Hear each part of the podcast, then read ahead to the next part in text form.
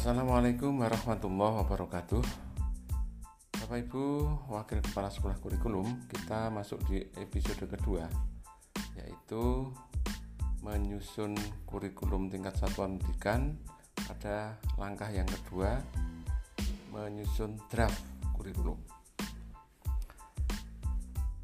Sebelum kita menyusun draft Telah kita bahas tentang melakukan analisis setelah itu, baru kita lakukan penyusunan draft kurikulum.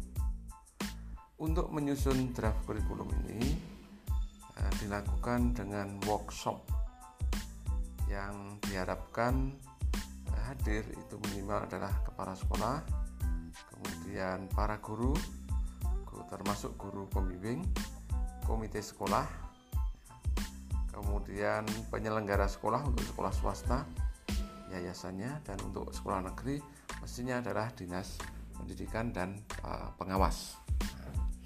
Unsur-unsur ini uh, diharapkan bisa hadir untuk menyusun draft kurikulum yang akan dipakai di sekolah itu. Proses penyusunan draft itu uh, dilaksanakan secara bersama-sama tekniknya adalah menjadi kewenangan tim masing-masing. Apakah draft itu e, disusun dari nol kemudian e, ditulis dengan pembagian kelompok masing-masing kelompok ditugaskan untuk menyusun bagian tertentu atau e, dimulai dari seluruh anggota memulai kerja dengan membahas dari bab 1 sampai yang terakhir.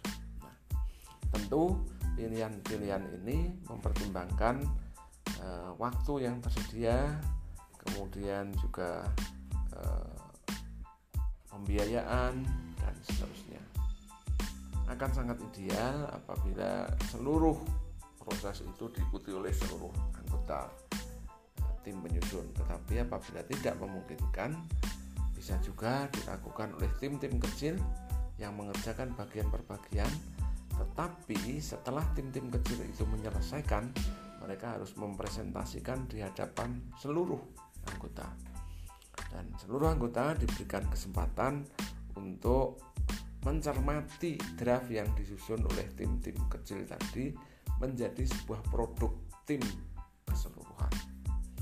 Cara ini kiranya adalah cara yang paling efisien sekaligus eh, tujuan bisa tercapai karena seluruh anggota tim terlibat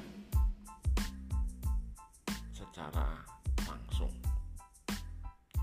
Kelemahan dalam proses penyusunan draft ini eh, adalah draft hanya disusun oleh satu atau dua orang saja dan itu pun tanpa dibahas dengan anggota-anggota yang lain. Sehingga draft langsung difinalisasi menjadi dokumen kemudian dimintakan penetapan dan pengesahan. Nah, kalau proses penyusunan kurikulumnya dilakukan seperti ini maka eh, secara formal memang sekolah itu sudah memiliki KTSP tetapi hakikatnya KTSP itu tidak menjadi milik bersama. Padahal kita tahu bahwa kurikulum tingkat satuan pendidikan itu adalah kurikulum yang disusun oleh sekolah. Sekolah itu bukan satu atau dua orang, tetapi adalah warga sekolah yang terdiri dari banyak unsur itu. Kemudian eh, disusun oleh oleh sekolah dan digunakan oleh sekolah. Ya. Bagaimana bisa menggunakan kalau mereka tidak memahami apa itu isi kurikulum, apa itu filosofi, mengapa kurikulum itu disusun, filosofi mengapa kegiatan ini dibuat dan seterusnya. Maka agar uh, kurikulum itu berhasil dengan baik, kuncinya ada pada pelibatan seluruh stakeholder dalam proses perancangan kurikulum. Semakin intensif anggota warga sekolah itu dalam proses penyusunan kurikulum maka akan semakin baik produknya dan juga nanti akan memudahkan dalam pelaksanaannya. sementara kalau keterlibatannya sedikit maka akan berpengaruh pula terhadap implementasi dan kualitas implementasi kurikulum. Itulah langkah kedua dalam rangkaian penyusunan kurikulum tingkat satuan pendidikan. Mari di tahun yang akan datang kita perbaiki lagi proses penyusunan draft yang lebih baik yang melibatkan warga sekolah yang lebih banyak dengan proses yang uh, lebih baik pula. Insya Allah dengan ikhtiar itu kita akan mendapatkan kurikulum yang tidak hanya baik dalam dokumen tetapi dapat diimplementasikan dengan baik. Assalamualaikum warahmatullahi wabarakatuh.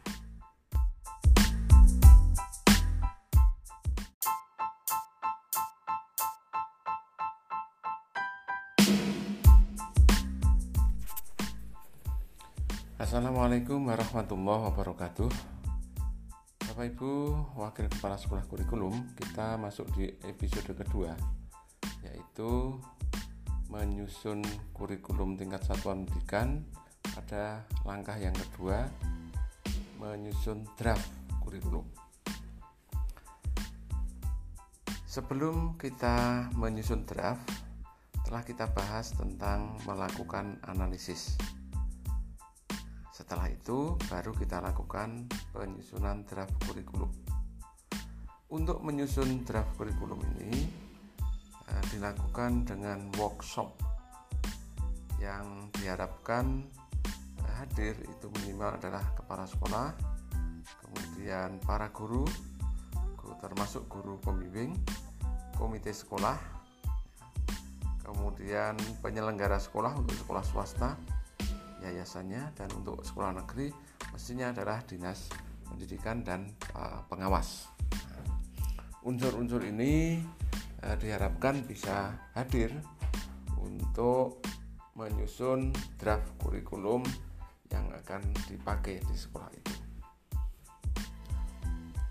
Proses penyusunan draft itu uh, dilaksanakan secara bersama-sama tekniknya adalah menjadi kewenangan tim masing-masing apakah draft itu e, disusun dari nol kemudian e, ditulis dengan pembagian kelompok masing-masing kelompok ditugaskan untuk menyusun bagian tertentu atau e, dimulai dari seluruh anggota memulai kerja dengan membahas dari bab 1 sampai yang terakhir.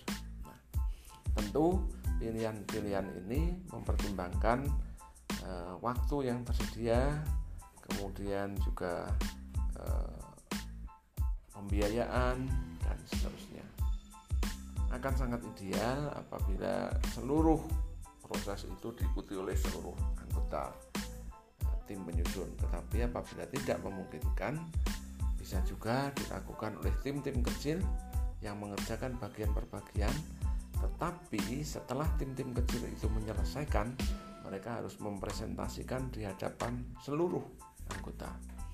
Dan seluruh anggota diberikan kesempatan untuk mencermati draft yang disusun oleh tim-tim kecil tadi menjadi sebuah produk tim keseluruhan. Cara ini kiranya adalah cara yang paling efisien sekaligus uh, tujuan bisa tercapai karena seluruh anggota tim terlibat secara. Kelemahan dalam proses penyusunan draft ini uh, adalah draft hanya disusun oleh satu atau dua orang saja dan itu pun tanpa dibahas dengan anggota-anggota yang lain. Sehingga draft langsung difinalisasi menjadi dokumen kemudian dimintakan penetapan dan pengesahan. Nah, kalau proses penyusunan kurikulumnya dilakukan seperti ini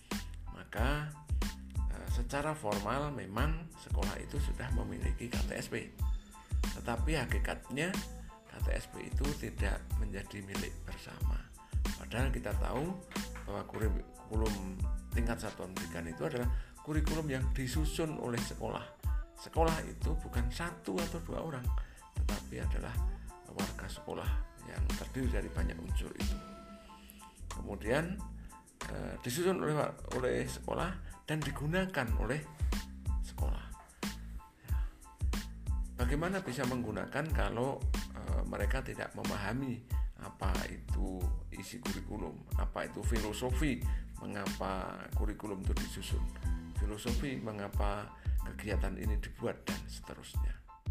Maka agar uh, kurikulum itu berhasil dengan baik, kuncinya ada pada pelibatan seluruh stakeholder dalam proses perancangan kurikulum. Semakin intensif anggota warga sekolah itu dalam proses penyusunan kurikulum, maka akan semakin baik produknya dan juga nanti akan memudahkan dalam pelaksanaannya. Sementara kalau keterlibatannya sedikit, maka akan berpengaruh pula terhadap implementasi dan kualitas implementasi kurikulum. Itulah langkah kedua dalam rangkaian penyusunan kurikulum tingkat satuan pendidikan. Mari di tahun yang akan datang kita perbaiki lagi proses penyusunan draft yang lebih baik yang melibatkan warga sekolah yang lebih banyak dengan proses yang Allah dengan ikhtiar itu kita akan mendapatkan kurikulum yang tidak hanya baik dalam dokumen tetapi dapat diimplementasikan dengan baik. Assalamualaikum warahmatullahi wabarakatuh.